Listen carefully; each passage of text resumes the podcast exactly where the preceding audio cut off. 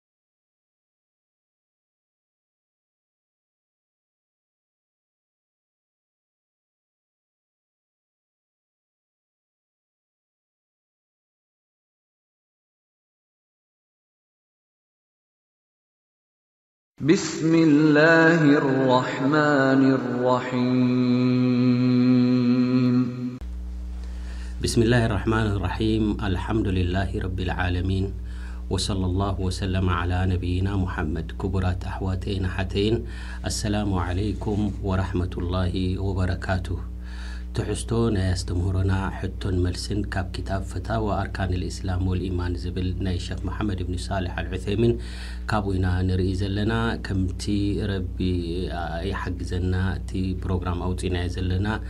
ኣብ ናይ ዓቂዳ ዝምልከት ሚእቲ ሕቶ ከነዳልውን ካብቲ ክታብ ማለት እዩ ከምኡ ድማ ኣብቲ ናይ ፍቅህን ናይ ሙዓመላትን ከምኡ ኢልና በልና ክንቅጽል እዩ እቲ ፕሮግራም ዘሎ ረቡና ዓዘ ወጀል እውን እንተ ሓደ ክንፈልጦ ንደሊ ኣሎ ኮይኑ ጉዳይ ናይ ዲንና ናብቶም ፈላጣት ክንምለስ ከለና ከም ዘለና ኣዚዙና እዩ ማለት እዩ እምበኣር ካብቲ ሓደ ጉዳይ ናይ ዓቂዳ ወይ ፈታዊ ኣርካን ልእስላም ተሓቲቶም ሸኽ እብኒ ዑሰይሚን ዝመለስዎ ከምዚ ዝብል ሕቶ መጺዎም ከይፈ ነጅማዑ በይነ ሓዲስ ጅብሪል ዓለይሂ ሰላቱ ወሰላም ኣለዚ ፈሰረ ፊህ ነብዩ ሰለሏሁ ዓለይሂ ወሰለም ኣልኢማን ከመይ ጌርና እዘን ክልተ ሓዲስ ክን ብሓንሳብ ክንጥርንፈን ንኽእል? እታ ሓዲስ ናይ ጅብሪል ዓለይሂ ሰላም ንረሱል ዓለይሂ ሰላቱ ወሰላም ምስ ሓተቶም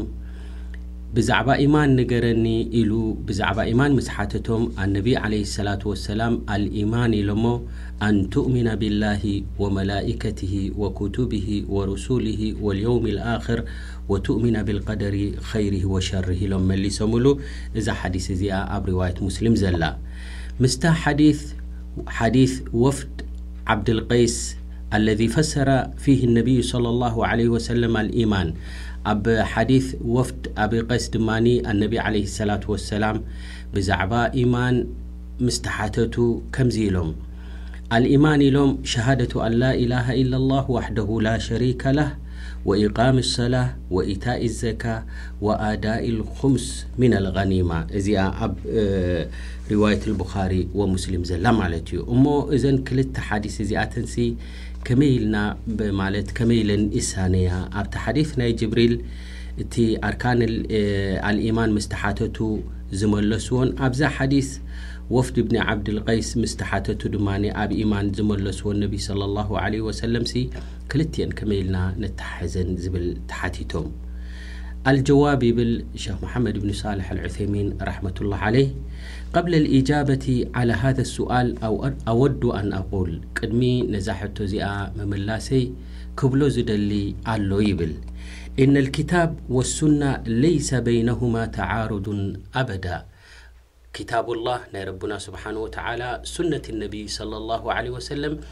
ክልቲኡ ብፍጹም ዝገራጮ ወይ ድማ ዝዋቓዕ ዘይቃዶ ነገር የብሉን።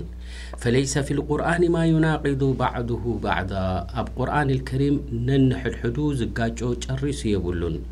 ወለይሰ ፊ ሱነቲ ሰሒሓ ዓን ረሱሊላሂ ሰለላሁ ዓለይሂ ወሰለም ማ ዩናቂዱ ባዕዱሁ ባዕዳ እቲ ኣሓዲት ሰሒሕ ዝኾነ ናይ ረሱል ሰለላሁ ዓለይሂ ወሰለም እውን ነንሕድሕዱ ዝጋጮ ኣይኮነን። ወለይሰ ፊል ቁርኣኒ ወላ ፊል ሱና ማ ዩናቂዱል ዋቂዕ ኣበዳ ኣብ ቁርኣንን ኣብ ሱናን ድማ ንክውንነት ዝገራጮ ነገር የብሉን ሊኣነል ዋቅዕ ዋቂዑን ሓቅ ዝኾነ ክውንነት እቲ ዝርከብ ነገር ሓቂ እዩ ወል ኪታብ ወሱና ሓቅ ቁርኣንን ሱናን ድማ ሓቂ እዩ ወላ ዩምኪኑ ተናቁዱ ፊል ሓቅ ኣብ ሓቂ ድማ ዝገራጮ ነገር ጨሪሱ የለን። ወልኪታብ ወኢዛ ፈሂምተ ሃذ ቃዒዳ እዛ ሕጂ እንብላ ዘለና እንተ ደኣ ኣጸቢቕካ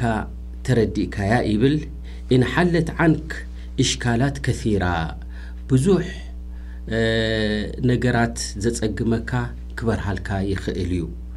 ቃል ላሁ ተላ ረቡና ዘ ወጀል ከምዚ ይብል ኣፈላ የተደበሩነ ኣልቁርኣን ወለው ካነ ምን ዕንዲ ገይሪላሂ ለወጀዱ ፊሂ እኽትላፈን ከሲራ እዚ ኣብ ሱረት ኒሳ መበል ሰማንያን ክልተን ኣያ ዘላ ማለት እዩ ቁርኣን ኣየስተንትንዎን ድዮም ቁርኣን ተደቡር ኣይገብሩሉን ድዮም እዚ ቁርኣን እዚ እኮ ካብ ኣላህ እንተዘይከውን ነይሩ ብዙሕ ነንሕድሕዱ ዝገራጮ ምረኸቡሉ ነይሮም ይብል ፈኢዛ ካነ ልኣምሩ ከዛሊክ እንተ ከምዚ ኮይኑ ድማኒ ፈኣሓዲሰ ነቢይ ሶለ ላሁ ዓለይሂ ወሰለም ላ ዩምኪኑ ኣን ተተናቀድ፣ ኣሓዲስ ናይ ረሱል ሶለ ላሁ ዓለይሂ ወሰለም ድማ ብዝኾነ ይኹን ምኽንያት ዝገራጮ የብሉን። ፈኢዛ ፈሰረ ነቢዩ ሶለ ላሁ ዓለይሂ ወሰለም ኣልኢማን ቢተፍሲር ወፈሰረሁ ፊ መውዲዕን ኣኸር ቢተፍሲር፣ እንተደኣ ነቢ ዓለይሂ ሰላቱ ወሰላም ብዛዕባ ኢማን ተሓቲቶም ኣብ ሓደ ኩነት ዳይመለሱዎን ኣብ ካሊእ ጉዳይ ድማ ምስ ተሓተቱ ብዛዕባ ኢማን እውን ድመለሱዎ፣ ዩዓሪዱ ፊ ነዘሪ ከተፍሲረ ልኣወል ምስቲ ቀዳማይ ዝበልዎ ኣብ ኣራዳድኣኻ እንተ ደኣ ዝተፈላለየ ኮይኑ ተሰሚዑካ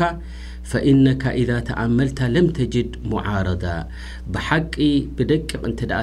ኣስተብሂልካሉ ዝገራጮ ነገር ጨሪሱ የብሉን ፈፊ ሓዲት ጅብሪል ዓለይሂ ሰላቱ ወሰላም ኣብ ሓዲት ናይ ጅብሪል እንተ ደኣ ርኢኻ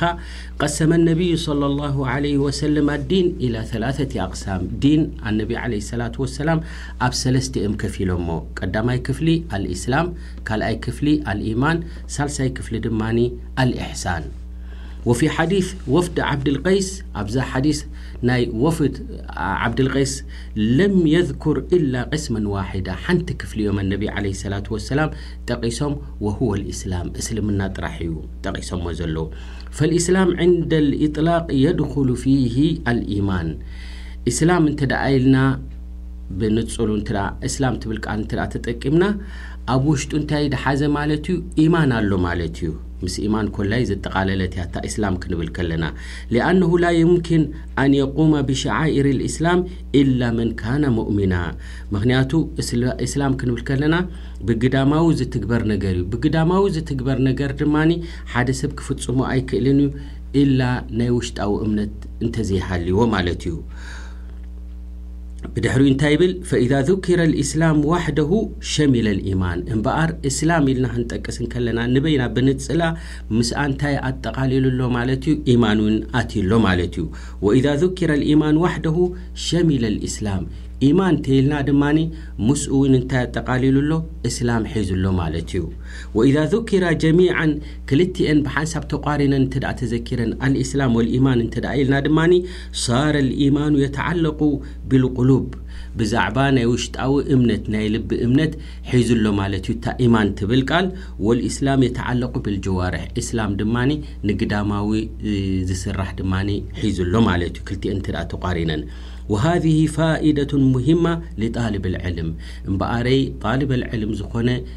እዛ ጉዳይ እዚኣ ብጣዕሚ ኣገዳሲት እያ ይብል። ፈልኢስላም ኢዛ ዙኪረ ዋሕደሁ ደኸለ ፊህ ልኢማን እስልምና ንበይኑ እንትደኣ ተዘኪሩ ምስኡ ኢማን እትው እዩ። ቃለ ላሁ ተዓላ ኢነ ዲነ ዕንደ ላሂ ልኢስላም እዚ ኣብ ሱረት ልዕምራን መበል ዓሰርተ ትሽዓተ ኣያ ዘላ ረቡና ዓዘ ወጀል ኢነ ዲነ ዕንደ ላሂ ልኢስላም ኢሉ እቲ ኢማን እቲ ዲን ኣብ ቅድሚ ረቢ ስብሓን ተዓላ እንታይ እዩ እቲ ተቐባልነት ዘለዎ እስላም እዩ ኢሉ እዘን ወሚን ልማዕሉም ኣነ ዲን ልእስላም ዓቂዳ ወኢማን ወሸራያ ከምቲ ፍሉጥ ድማ እስልምና ክንብል ከለና እምነትን ዓቂዳ ወኢማን ወሸራይዕ እዩ ሕግታትን ድሓዘ እዩ ማለት እዩ ወኢዛ ذኪረ ልኢማን ዋሕደሁ ደኸለ ፊህ ልእስላም እምበኣር ኢማን ክንብል ከለና ምስኡ እንታይ ኣትዩ ኣሎ ማለት እዩ እስላም እውን ምስኡ ተታሒዙ ኣብ ውሽጡ እዩ ዘሎ ማለት እዩ ወኢዛ ዙኪራ ጀሚዓን እንተ ደኣ ክልቲኤን ብሓንሳብ ተቋሪነን ተዘኪረን ድማ ኣልኢማን ማ የተዓለቁ ቢልቁሉብ ኢማን ምስ ልቢ ዝተተሓሓዘ ክኸውን ከሎ ወልኢስላም ማ የተዓለቁ ቢልጀዋርሕ እስልምና ድማ ብግዳማዊ ዝስራሕ ነገራት ሒዙ ኣሎ ማለት እዩ ወሊሃዛ ቃለ ባዕዱ ሰለፍ ገለ ካብ እቶም ቀዳሞት ዝነበሩ ሰለፍ እንታይ ይብሉ ኣልኢስላሙ ዓላንያ ወልኢማኑ ሲር ይብሉ ማለት እዮም ኢማን እስላም ክንብል ከለና ብግዳማዊ ዝስራሕ ማለት እዩ። ኢማን ድማ ሲር፣ ናይ ልቢ ጉዳይ፣ እዩ ማለት እዩ። ሊኣነሁ ፊል ቀልብ፣ ምኽንያቱ ኢማን ኣብ ልቢ እዩ ዘሎ ማለት እዩ። ወሊዛሊክ ሩበማ ተጅዱ ሙናፊቀን ዩሰሊ ወየተሰደቅ፣ ምናልባሽ ሓደ ሙናፊቅ ኮይኑ ክሰግድ ይኽእል እዩ፣ ሰደቃ ከውጽእ ይኽእል እዩ፣ ወየሱም ክጸውምን ይኽእል እዩ፣ ፈሃዛ ሙስሊም ዛሂረን ገይረ ሙእሚን፣ ብግዳሙ እዘን ተግባራት ብምስርሑ ሙእሚ ኣስላማይ ክበሃል ይኽእል ዩ፣ ኣስላማይ ኢና ንብሎ፣ ብውሽጡ ግን ገይሩ ሙእሚን ዩ፣ ሙእሚን ኣይኮነን ማለት ዩ። ከማ ቃለ ተዓላ ከምቲ ረቡና ዓዘ ወጀል ኣብ ሱረት ልበቀራ ዝበሎ ወሚነ ናሲ መን የቁሉ ኣመና ቢላሂ ወቢልየውሚ ልኣኺሪ ወማ ሁም ቢሙእሚኒን ገለ ሰባት ኣለዉ ኣሚና ኢና ዝበሉ እንተኾነ ግን ረቡና ዓዘ ወጀል ኩሉ ግዳማውን ውሽጥናን ዝፈልጥ ስለ ዝኾነ እንታይ ኢሉ ወማ ሁም ቢሙእሚኒን እወ ብግዳሞም ኣሚና ኢሎም ብቃሎም ይዛረቡ ኣለዉ ተግባራት እውን ትሪኡሎም ኣለኹም ግን ናይ ውሽጣዊ እምነት የብሎምን ኢሉ ማለት እዩ ኢዘን ብኸምዚ ክንምልስ ንኽእል ይብል ማለት እዩ ወነስኣሉ ላህ ዓዘ ወጀል ኣን ይወፊቀና ሊማ ዩሕቡ ወየርዳ ወሰለ ላሁ ወሰለመ ዓላ ነቢይና ሙሓመድ